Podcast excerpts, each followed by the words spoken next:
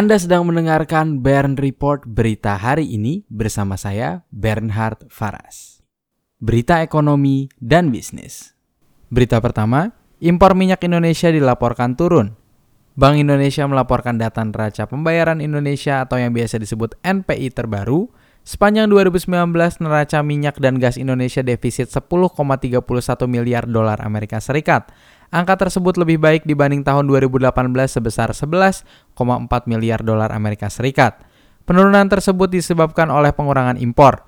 Pada tahun 2019, nilai impor minyak dan gas Indonesia tercatat sebesar 22,3 miliar dolar Amerika Serikat. Angka tersebut turun signifikan dibandingkan di tahun 2018 yang sebesar 29,02 miliar dolar Amerika Serikat. Berita kedua, dana BOS tahap 1 resmi disalurkan ke sekolah-sekolah. Menteri Keuangan Sri Mulyani mengatakan pemerintah telah menyalurkan dana bantuan operasional sekolah atau yang biasa disebut dana BOS. Tahap pertama sebesar 9,8 triliun rupiah. Dana BOS tahun 2020 disebut berjumlah sebesar 54,32 triliun rupiah. Dana tersebut akan digunakan oleh 45,5 juta siswa di seluruh Indonesia. Berita ketiga, cara penyaluran dana BOS diubah untuk hindari korupsi.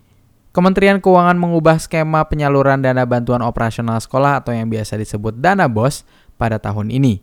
Kini pencairan dana BOS akan dilakukan dalam tiga tahap. Sebelumnya, penyaluran dilaksanakan dalam empat tahap. Selain itu, pemerintah tidak lagi menyalurkan dana BOS ke rekening kas umum negara dan rekening kas umum daerah. Pemberian dana langsung disalurkan ke rekening sekolah. Dengan penyederhanaan ini diharapkan dana BOS bisa lebih cepat digunakan oleh sekolah. Berita keempat, Bursa Efek Indonesia benarkan ada praktik kolusi di kasus Jiwasraya.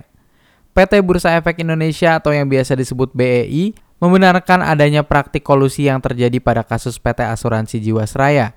Mereka menyebut praktik kolusi diduga terjadi sejak pencatatan awal. Asuransi Jiwasraya dilaporkan banyak menempatkan instrumen investasi pada aset beresiko dan berkinerja buruk. Hal tersebut juga diduga karena Jiwasraya bekerja sama dengan oknum perusahaan sekuritas dan manajer investasi. Berita ke-6, Indonesia akan impor ratusan ribu ton bawang putih dari Cina.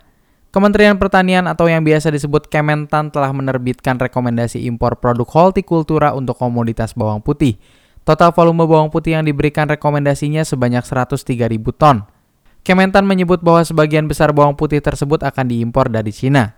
Impor bawang putih dari Cina diizinkan usai rapat terbatas antar kementerian beberapa waktu lalu yang menyimpulkan bahwa virus corona tidak dapat ditularkan melalui tanaman. Berita ketujuh, leasing masih bisa ambil kendaraan tanpa pengadilan. Mahkamah Konstitusi mengeluarkan putusan terkait penarikan kendaraan bermotor yang sesuai dengan fidusia. Putusan MK nomor 18 slash PUU strip 18 tahun 2019 tanggal 6 Januari 2020 memperjelas bahwa pasal 15 Undang-Undang Nomor 42 Tahun 1999 tentang wan prestasi atau cedera. Dalam artian, leasing masih tetap bisa menarik kendaraan dari debitur macet tanpa pengadilan. Dengan catatan, prosedur yang ada sudah dijalankan dengan benar. Untuk teks dan sumber berita selengkapnya dapat Anda lihat di website www.bernhardfaras.com. Terima kasih sudah mendengarkan Bern Report berita hari ini.